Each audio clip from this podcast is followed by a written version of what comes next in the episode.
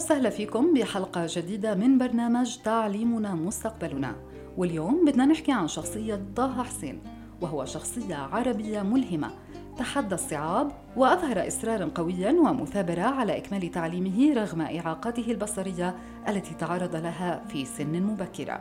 وقد استطاع بذلك الوصول إلى مراتب عالية في العلم والثقافة وصار رائدا في حركة التنوير العربية حيث اعتبر طه حسين التعليم الطريق الأساسي لبناء مستقبل مشرق فهو الوسيلة التي تمكن الأفراد والمجتمعات من تطوير مهاراتهم وتعزيز معارفهم.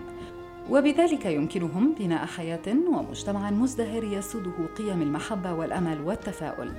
قصة حياة طه حسين تعكس مدى أهمية التعليم في بناء الذات وتحقيق الإنجازات العظيمة، وتدعونا جميعا إلى الاستمرار في تحدي الصعوبات والمحافظة على التعليم وتطويره وذلك لتحقيق حياة كريمة.